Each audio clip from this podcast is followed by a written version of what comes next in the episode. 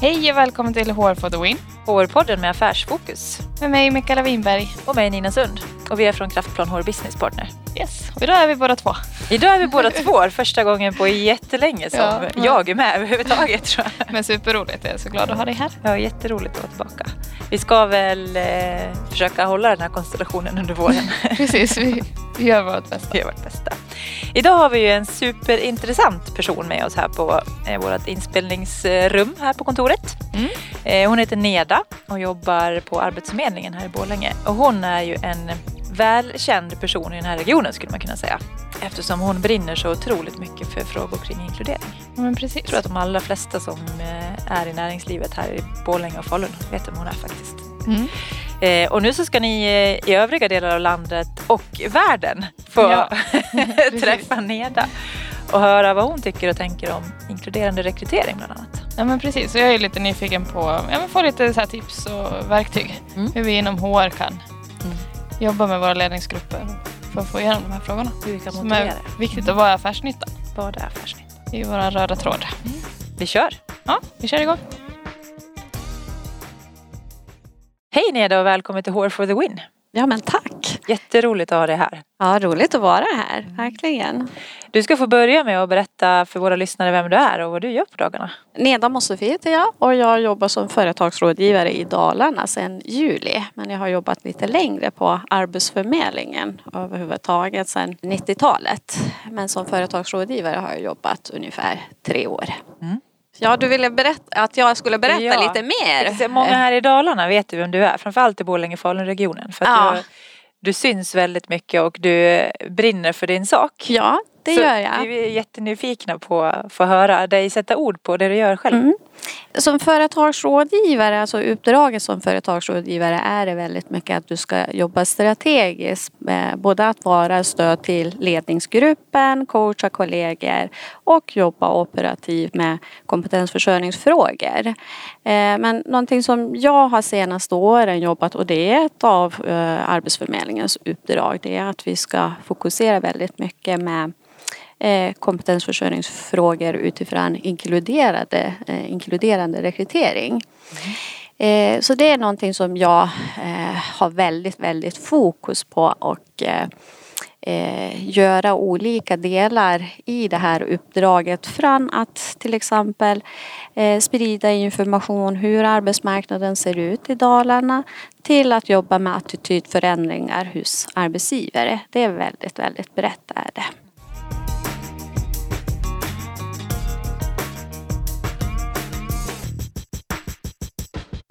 Och vad är det som eh, gör att, för du brinner ju verkligen för den här frågan, det märker man när man träffar dig. Mm. Eh, Vad är det som gör att du tycker att det är viktigt?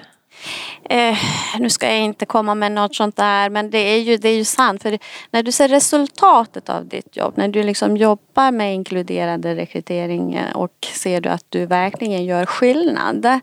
Eh, då ger det mig väldigt, väldigt mycket kraft och positiv energi. Jag vill och jag brinner verkligen för att jobba för att fler ska inkluderas i samhället. Och jag ser både vilken nytta har för arbetsgivarna, för vi har fortfarande det här med jobba med arbetsgivarnas kompetensbehov samtidigt som vi ser att fler individer kommer in och blir inkluderade i samhället.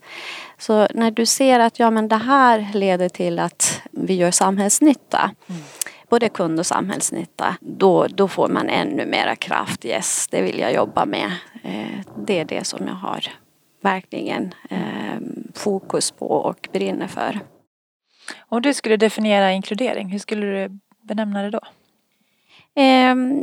Då vill jag ha en eh, rättvis eh, rekrytering där man eh, baserar rekryteringen på, på kompetens och inte bara etnicitet eller alla de här barriärerna som människor, och det är ganska vanligt att vi har det någonstans. Att Eh, Sverige har jobbat väldigt mycket traditionellt med samma rekryteringssätt.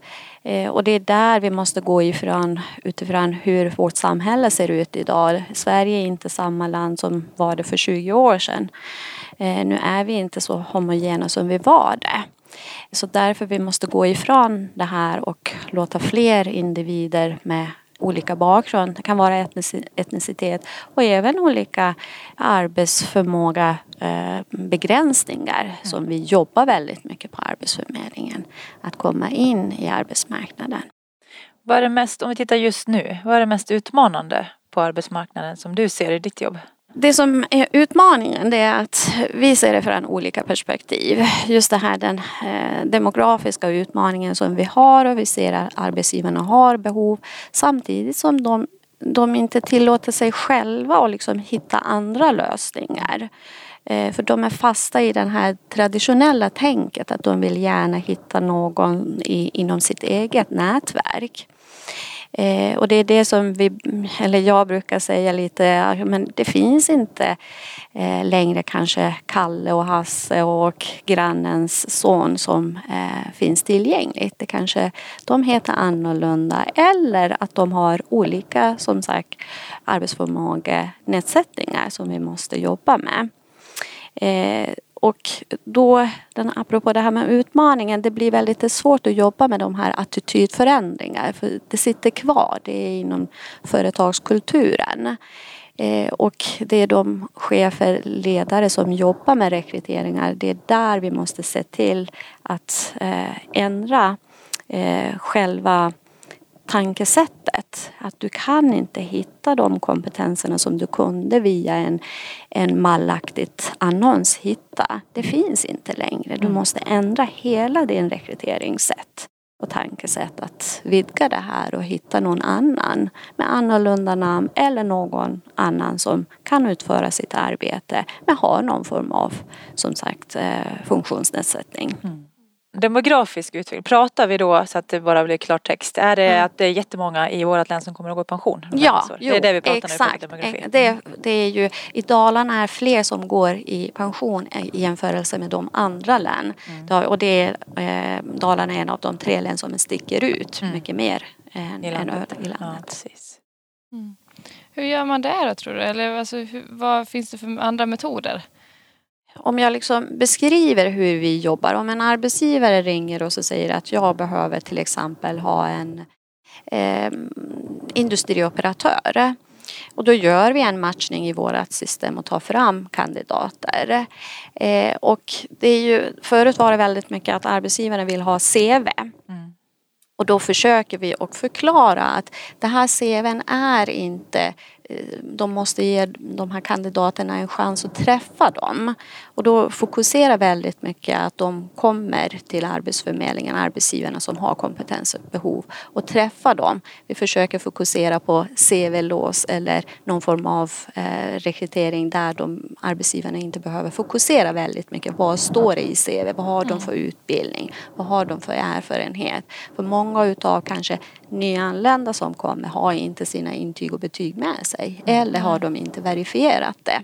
Så därför just den här fysiska träffen blir väldigt viktigt för arbetsgivare och mm. arbetssökande och se, ja men jag kan se potentialen i den här individen för att kunna utföra den här tjänsten som vi har.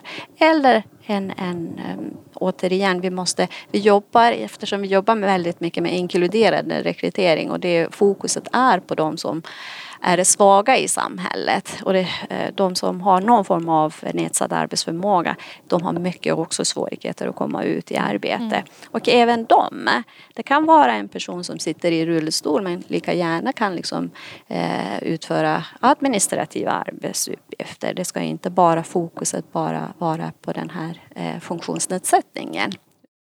Utan bara liksom se det, ja, men klarar hon eller han av arbetet som ska utföras? Mm. Men det låter ju nästan som att det, man går mot arbetsprover då för att verkligen kunna se då, alltså potentialen.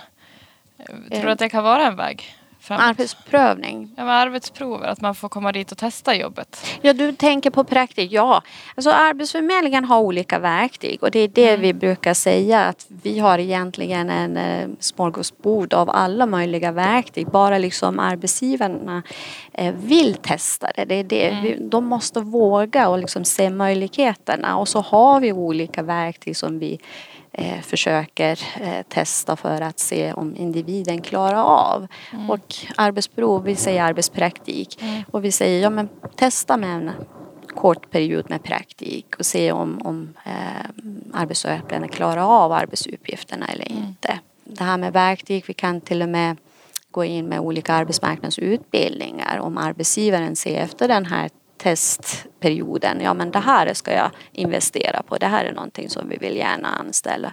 Ja men den saknar kanske någon form av utbildning.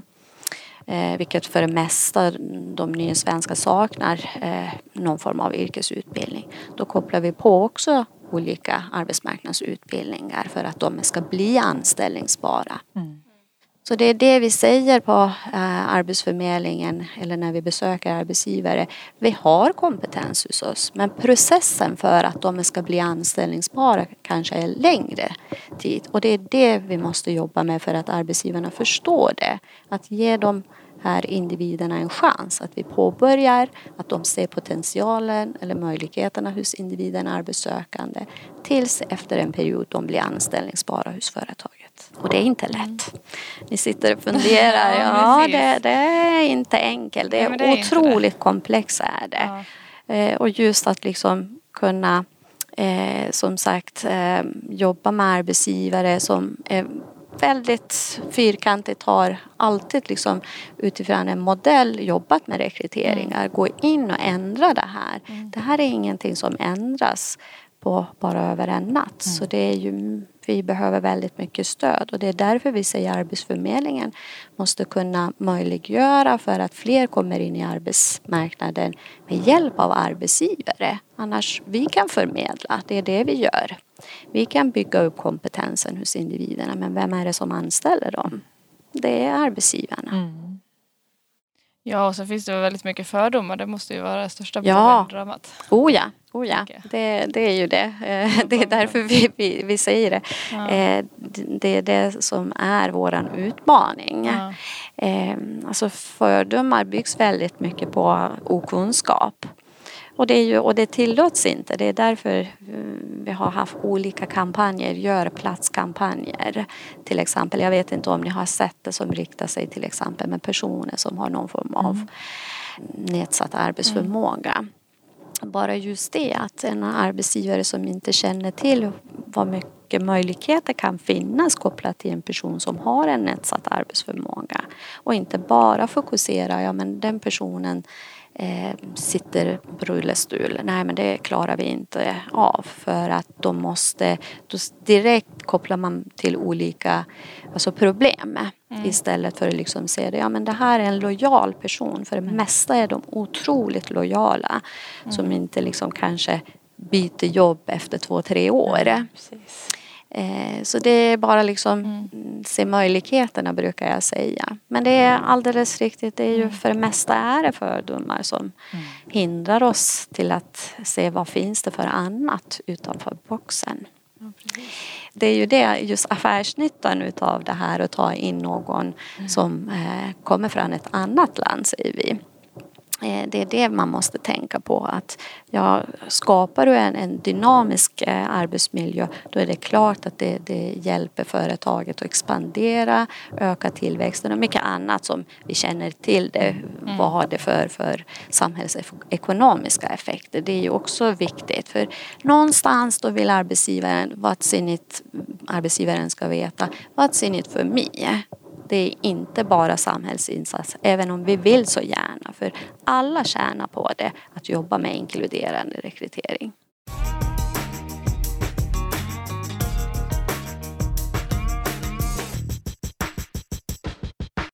En sak som jag stöter på, för jag rekryterar ganska mycket hos de olika kunderna jag är här hos som HR-konsult. Vissa kunder, vissa VD och vissa ledningsgrupper de har kommit ganska långt i tänket att ja men okej, okay, hela vårt koncernspråk är svenska och nu ska vi ta in en person som vi möjligtvis kan prata engelska med i början. Mm. Eh, en del tänker bara, ja, men vi översätter det viktigaste som man ska veta personalhandboken på en gång och så får vi beta av det längs vägen och alla kan prata engelska i, i Sverige så att det är mm. lugnt. Andra tänker bara, nej det går inte att ha någon som inte mm. kan prata svenska, det kommer bara ta stopp jag tänker att i det här arbetet så kommer ju HR spela en stor roll och gör säkert det redan. Mm. Men framåt också. Hur gör man som HR för att motivera sin ledningsgrupp att ja. den här personen det är den med bäst kompetens vi har. Okej den kan inte svenska just nu. Mm. Men hur gör man för att motivera Ja, det, det förstår jag. Alltså jag har full förståelse för HR för ni är den viktigaste verktygen för, för ledningsgruppen där de sitter med beslutande rätt att vem ska komma in. Ehm, jag har ingen liksom enkel alltså recept till det här hur ni ska göra för jag brukar säga att det här är också en process som ni måste också processa hela tiden. Att vad vinner vi på det om vi tar in någon som är engelsktalande? Mm. Eh, någonting som jag själv har stått på väldigt mycket till exempel, jag kan säga en bransch som nu vänt, har vänt på det här, det är IT-branschen. Mm. Förut var de så otroligt stängda att nej men det ska bara vara svensktalande. Och efter bara i, i Borlänge, ni vet att det är en av de IT-tätaste städerna. De skriker efter folk, de kan varva fram varandra hela tiden men någonstans måste stoppas det här onda cirkeln att man går och eh, tar liksom, eh, folk fram varandra mm. och eh, det kommer nya som har en utländsk eh, utbildning med sig. Många år har jag liksom försökt att liksom introducera dem in och det har varit ett stopp på grund av det enda anledningen har varit det språket, att de är engelsktalande. Men nu senaste åren, då öppnades det helt plötsligt. Nej, men de har inte råd att vänta på att eh, hela tiden, som sagt, ta personal från varandra. Eh, eller vänta på nyutexaminerade. Kommer folk som har jobbat länge som IT-ingenjörer eh, hos oss på Arbetsförmedlingen. Så det öppnades för bara något år sedan att nu är det helt okej. Okay. Men det är ett bransch som vi har liksom lyckats med att liksom öppna efter lång tid. Och det var, har varit en lång process där de liksom såg att ja, men här har de nytta utav eh, de individer som kommer med en annan kompetens men är engelsktalande. Mm. Men jag förstår precis hur du menar att det är ju, vi har många olika branscher där de kräver att du måste, teknik är en av de branscherna som är oerhört, eller bygg eh, för all del är jättesvårt och där är det ännu mera det traditionella tänket som är svårt eh, med kulturen och allting som vi känner mm. till hur det dominerar i byggbranschen till exempel. Ja, byggbranschen har ju så många problem med svart arbetskraft och utländsk arbetskraft som inte tjänar några pengar. Och, så de har ju ganska många problem på den fronten. Ja, där. Jo, jo precis. Ja, exakt. Och, och, det är liksom, och det här är också en del att vi måste, och egentligen när vi pratar om varför ska de inte kunna komma in? För de skriker också efter arbetskraft. Att vi kan liksom få in de här eh, människorna som ha, har behov av ett arbete mm. och har den kompetensen med i sin bagage och eh, få in dem i samhället. Mm. Men det är ju en process. Det här är en utmaning som vi alla måste jobba med. Så jag blir glad att ni inom HR, speciellt på kraftplan, måste jag säga eloge till er att ni jobbar väldigt mycket. Mm. Bara just den här podden som jag ser där att era avsnitt bygger väldigt mycket hur vi kan jobba fördomsfri mm. eller med inkluderande rekrytering. Det här är också ett sätt för att nå eh, VD, ledningsgruppen och de som jobbar med rekrytering. Mm. Mm. Ja men precis, jag tror att det största man ställs inför som HR det är just vart börjar vi någonstans? Mm. lite som Nina är inne på också, hur motiverar vi det här för ledningsgruppen? Mm. Mm. Det är där ofta man möts där det tar stopp. Ja. Oh ja. Även hur mycket man än vill inom HR så mm. kan man inte om man inte har ledningsgruppen med sig. Men jag säger att ge inte upp. Nej, precis. För det är ju det. Det är det jag behöver, eller vi på Arbetsförmedlingen behöver de här krafterna så att vi tillsammans kan mm. göra det här möjligt att fler mm. kommer in i samhället. Mm. Vi alla brukar jag säga tjänar på det här att vi är vi har en mångfald på arbetsplatsen. Mm. mm. Det är det som vi måste fokusera. Men vägen dit är inte lätt men ändå, vi måste kämpa vidare. Verkligen. Jag måste bara få backa tillbaka till det här till IT-branschen. Att nu har jag, det här är ju en fördom som jag bara öppnar upp mig med. Kom med Men just den branschen är ju i min värld ändå, alltså den är ju baserad, den är inte baserad på svenska. Alltså mm. de, det finns ju jättemånga IT-människor som har läst i USA och läst i England och mm. läst i andra delar av världen. Jag tänker det språket de har i sin vardag är ju inte svenska egentligen när de sitter där och kodar och knappar. Och, Mm. Mm. Så det är jättekonstigt Eh, egentligen. jo, men det, det är en det- fördom som ja, jag har. Det kanske är kan mycket jag- mer det kan svenskbetingat. jag- eh, Det kan jag berätta för dig att det är ju de IT-företagen är specifikt i Borlänge i alla fall. Jag har jobbat väldigt mycket med de IT-företagen som finns här. Mm. Eh, och den anledningen som de eh, berättar för mig det är att för att de flesta utav dem är underleverantörer till Trafikverket. Mm. Och när du, du går in som konsult och jobbar för Trafikverket för de individer som eller medarbetarna som sitter på, på Trafikverket. Det är inte 100% att de, de behärskar engelska. Då måste de kunna berätta eller förklara för de som sitter på Trafikverket och jobbar Mm. på svenska. Så därför blir det att det blir viktigt. Och en annan sak är att då måste man ha svensk medborgarskap. Ja okej, ja men den är ju lite svårare.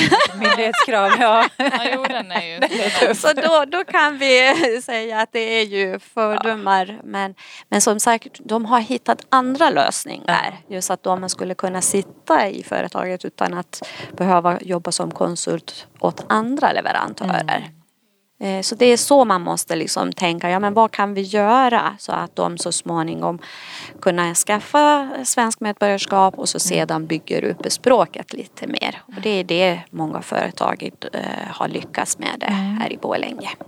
Men jag har också mötts av de där argumenten. Dels säkerhetsaspekten. Att Ja. man måste förstå säkerhetsrutiner. Mm, Som mm. kanske är på svenska. Jag vet inte varför man inte kan översätta Ja, dem den är, den är enkel. Den är enkel. nu- Men sen också det sociala. Ja. Alltså i fikarummen. Att de skulle bli utanför. Det är de Mm. argumenten man har, jag Ja. har fått från chefer. Ja, oh ja. Det, det här är de fördomar som, som äh, säger. Men jag har också mött fantastiska mm, företagsledare som en utav dem berättade för mig att den dagen jag hörde att det blev det för mycket skämt rasistiska skämt vid fikabordet. Då slog jag näven på bordet och sa jag, nej men nu måste vi göra någonting åt det här. Då måste vi ta in någon utifrån eh, för att liksom sätta stopp på, på det här. För det sprider sig ganska. Man tycker att nu för tiden att det är okej att dra rasistiska skämt vid fikabordet i och med att alla är homogena, alla liksom tänker lika. Nej, men om du tar in någon som är har en annorlunda namn till och med, då kanske blir ändring på det här. Bara just det, jag tänkte det var ju fantastiskt att han såg det direkt, tänkte ja men där behöver han göra någonting som ledare för att få ett stopp med det här. Men jag måste också säga att vi allihopa går med fördomar, för det är, det är ganska enkelt. Men det är ju det jag menar att därför man måste sprida hela tiden information, jobba med det hela tiden. För till och med du och jag och alla har våra egna fördomar. Men vi behöver jobba med det och utsätta oss själva för det här. Men hur kan vi göra liksom så att vi har företaget har nytta utav det, samhället har nytta utav det och viktigast av allt, hur kan vi inkludera individer individerna så att också de bygger och bidrar till våran välfärd. Så är det. Det är tufft. Mm. Ja men verkligen. Och jag tänker lite grann så här, ja men om, om man är tio stycken på en arbetsplats och inte kan ta in en elfte för att den ska bli utanför, då har man ett annat problem i bolaget. Ja, jag tycker. Eller hur? Ja, Absolut. behöver man kanske jobba lite med de personerna som redan är där. Ja, oh ja. Men, men det är ju det är inget enkelt jobb. Eh, Det är jag fullt medveten. Man liksom tänker all friktion som kan uppstå. Men, men det är det som är fantastiskt. Idag till och med finns företag som jobbar med de här kulturförändringar i företaget. Och det känner vi till. Det finns det många företag idag som gör det här. Ja men ta stöd utav dem om ni känner er att ja men jag tvekar för att personalen tycker så. Ja men det finns företag som kommer in och lär er hur ni ska liksom bearbeta de dolda fördomarna som vi har. För det sitter väldigt mycket där. Ja, men hur skulle, precis som du nämnde, hur ska jag liksom ha ett samtal vid, vid fikabordet med en som kommer kanske från ett annat land? Är vi så pass olika? Nej, det kanske vi är inte det. Jag Vilket- tänker olikheten borde väcka jättemycket nyfikenhet. Ja, eller jag hur? också. Alltså, man vill, vill Verkligen. veta hur det Ja, funkar oh på ja. andra sidan jordklotet. Eller Ja, ja men det, det är ju det. Men, Och utmaningen är det att vi vill ha lika lika. Vi är vana, vi är vana människor som vill ha våra egna rutiner. Vi ska göra samma sak varje dag, samma sak. Varje morgon ska jag fråga dig, ja men det här var dåligt väder idag, eller hur? Ja, jo, men det här är ett liksom vanligt samtal. Men det kanske kan pratas någonting annat då som händer i världen. Det kan, men det är ju utifrån våran nyfikenhet som också bygger upp att vi tillåter att eh, de som har ett annorlunda namn eller har en funktionsnedsättning kommer in i våra arbetsplatser.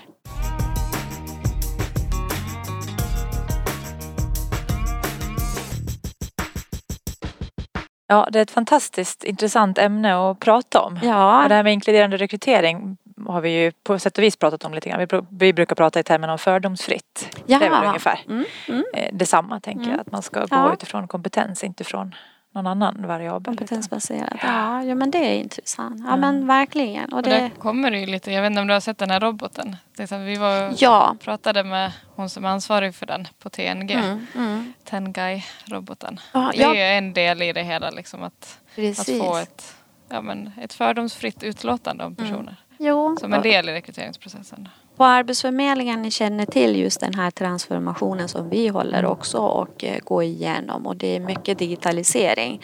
Och det brukar jag säga också på gott och ont. Eh, det goda är det för vi, har, vi kommer också eh, nyttja väldigt mycket AI-modellen. Mm men det är ju också just de målgrupperna vi pratar om. Det är just det här som jag nämnde att många utav dem eller många rekryteringsträffar jag skulle önska att det skulle ha varit CV-lös rekrytering.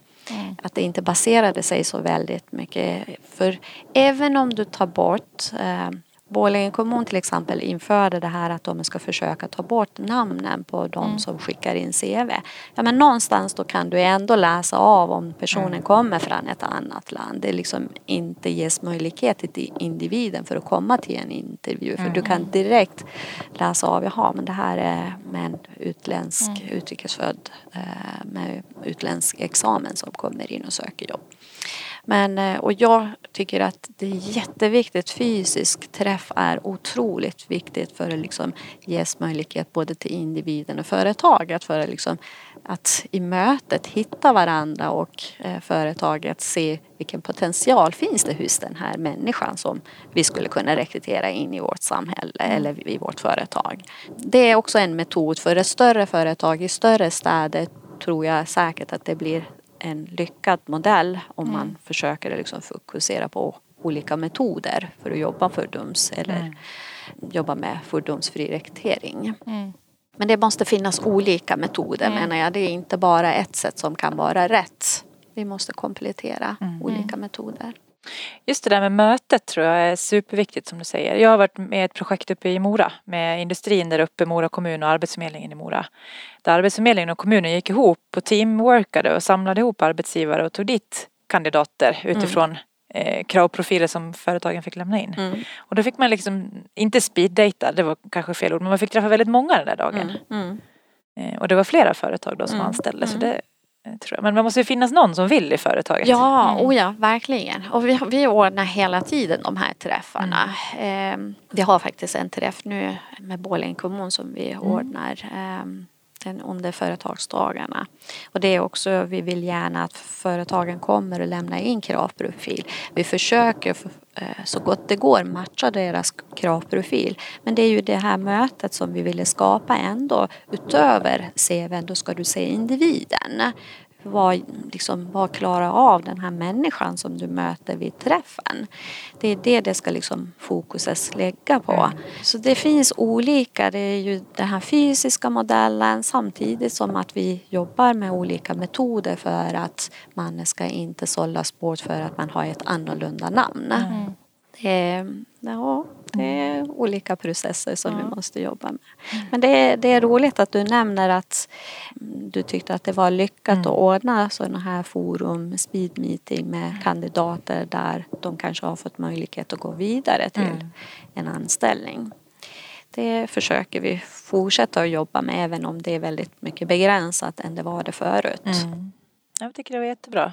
Det var flera företag som anställde då, bland annat det företaget som vi har som kund där uppe, Scanmast. Jaha, De anställde ja. två stycken civilingenjörer som de aldrig hade hittat annars. Nej, vad härligt att höra. Och nu är de tills vidare anställda där. så det är Nej, jätteroligt. vad Ja, kul. Vad kul att höra det. Ja. Jättekul. Oh, ja. Inom invandrargruppen, eller ny, jag försöker använda ordet nysvenskar, eh, att de har också olika bakgrunder. Det finns vissa som har akademisk utbildning som måste ha snabbare väg att komma ut i arbete. Mm. Och så finns det de som tar en längre process för dem att komma ut i Mm. arbete och det är de som saknar överhuvudtaget någon yrkesutbildning eller arbetslivserfarenhet. Mm. Där finns det väl ett, en intressant möjlighet också att man som arbetsgivare kan validera kunskaper och kompetenser Ja, hos mm. Medarbetare som, eller nyanlända då, eller om man har någon annan Ja. funktionsnedsättning kanske. Mm. Men att man kan validera att man är Mm. jäkligt duktig och kunnig och har kompetens inom ett område. Så att den får det med sig till nästa. Oh ja. Den ja. är ju skithäftig. Aha. Har, ni, har, har ni nyttjat den här Nej, jag har metoden? inte gjort det men jag har hört om det. Ja, och det är ju det att um, Arbetsförmedlingen utifrån att eh, 2015 kom många med, med akademisk examen eller eh, att de inte hade någon, någon intyg eller betyg med sig så vi behövde arbetsgivarnas hjälp för att validera den kunskapen de kommer med. Då har vi ett verktyg som kallas för yrkeskompetensbedömning. Där går vi in och eh, tar hjälp av arbetsgivare för att göra någon form av bedömning att den personen är verkligen målare. Under några veckor så får arbetsgivaren betalt under den tiden den arbetssökande är hos den arbetsgivaren. Det tycker jag är också Mm. väldigt bra. Väldigt Ja, bra. men det är det. Måste ju skapa förutsättningar för individen att Ja, och vidare i arbetslivet. Absolut, absolut. Men som sagt, det är hela tiden det samarbetet med arbetsgivaren som är väldigt, väldigt viktigt. Att hela grunden för vårt arbete det är att vi klarar inte av det här. Vi klarar inte av att liksom inkludera alla som har kommit sedan 2015 eller även de som har kommit längre tillbaka på 90-talet. Mm. Eh, så det, det fokuset, ett av mina fokusområden är att liksom stärka samarbetet med de strategiska arbetsgivarna, kommunen och andra aktörer i det här arbetet. Hur kan vi snabba på etablering av både nysvenskar och som sagt de andra som behöver hjälp för att komma in i arbetsmarknaden.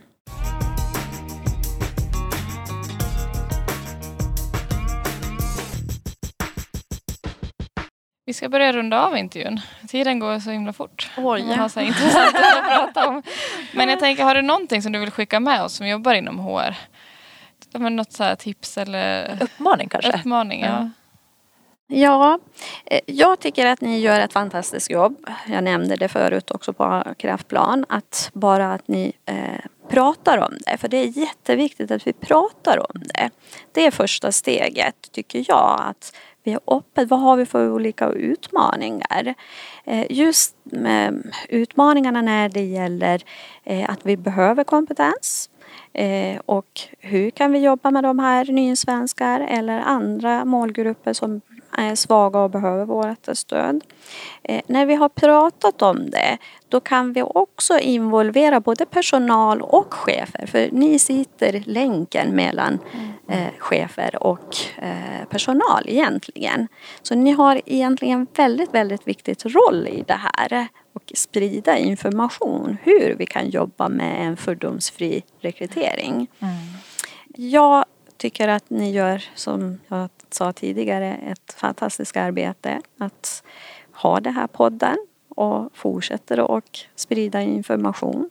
Och det är väldigt eh, viktigt i det här arbetet. Mm. Ja, men tack så jättemycket. Ja, tusen vi tack. Först och, Ja. främst.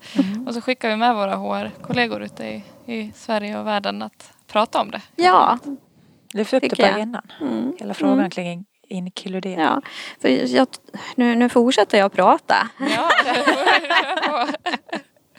Jag menar, ni har liksom med öppen sinn att se möjligheterna. Mm. Så det är det det ska också spridas till era kollegor i hela landet. Att ja, men, ta vara till, på den kompetensen som finns det. Att här finns det mycket mer affärsnytta för företaget och samhälls och kundnytta för Sverige. Så bara man öppet pratar om de här delarna tror jag att det blir väldigt mycket win-win situation för alla. Win-win, det gillar vi. Det gillar Mm. vi. Ja. tack så jättemycket Neda för att Ja, du kom tack hit för idag. att jag fick Tack komma. Jätteroligt att vara här. Tänk att det alltid är lika intressant att prata med Neda. En härlig person. Verkligen väldigt härlig. mycket energi. Mycket energi och mycket glädje och hon sprider, det smittar av sig också, hennes engagemang. Det gör det. Och eh, en sak som jag reflekterar över när vi pratar med Neda det är ju det här hur otroligt individbundet det här drivet är. Eh, Dels hos henne såklart, hon jobbar ju med de här frågorna dagligdags men också ute i organisationer. Mm. Och jag, ja. förlåt, men jag, Nej, men jag tänker så här, hur fasen HRs viktigaste roll i det här måste ju vara att göra förflyttningen från att det här är en individbunden fråga hos en person som brinner för, för frågorna till att det blir en del av affärskulturen eller företagskulturen. ja. Och att man hittar, hittar affärsnyttan så att alla förstår hur viktigt det är. ja, men för som det är idag så krävs det ju någon som, som brinner för det. Annars så händer det inte. Det skulle vara så himla roligt att titta tillbaka på det här samtalet om 5-10 år och se Mm. om förflyttningen har gjorts, för den kommer ju att behövas. Mm. Ja men verkligen. Men jag tyckte också det var intressant. Vi fortsatte ju prata lite här efter vi hade stängt av inspelningen också kring eh, olika företag som gör olika insatser. Och det är ju fantastiskt att det finns företag som ändå öppnar upp och Mm. vågar. Och, och jag ställde ju frågan till Neda där efteråt att vad tjänar de på det? Liksom att de ett företag som tar in och språktränar. Men de ska inte vara kvar och vara anställda där sen. Eh, och det är väl det tankesättet man kanske måste ändra. Att man, inte, att man får ju nytta av att göra samhällsinsatser. Mm. Sitt eget varumärke, employer brandet och under tiden vad man lär sig av de här personerna. Mm. Ja, Jag vet, häftigt. vi diskuterade också det efteråt, tror jag, det här kring att, nej det var under inspelningen ju, det här kring att, ja men rädslan av att den här personen som kommer till företaget ska bli utanför på något Mm. vis.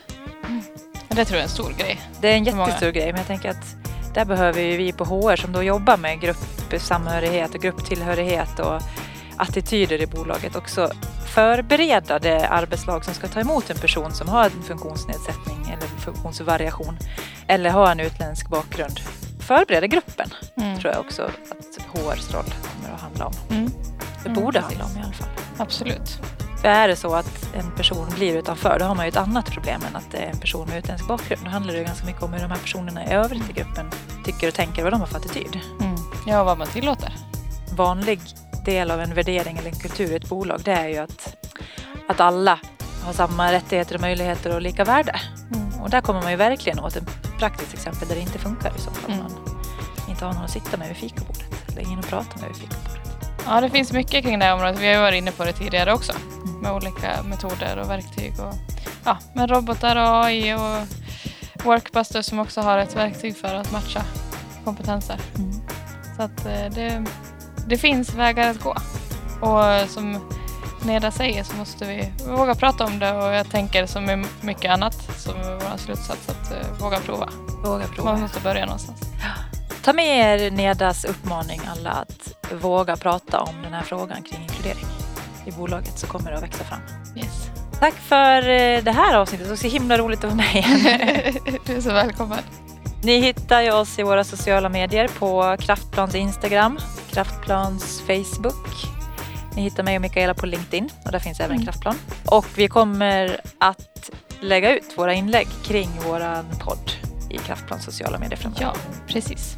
Så att vi kör på en kanal. Det blir enklare så. Mm. Mm.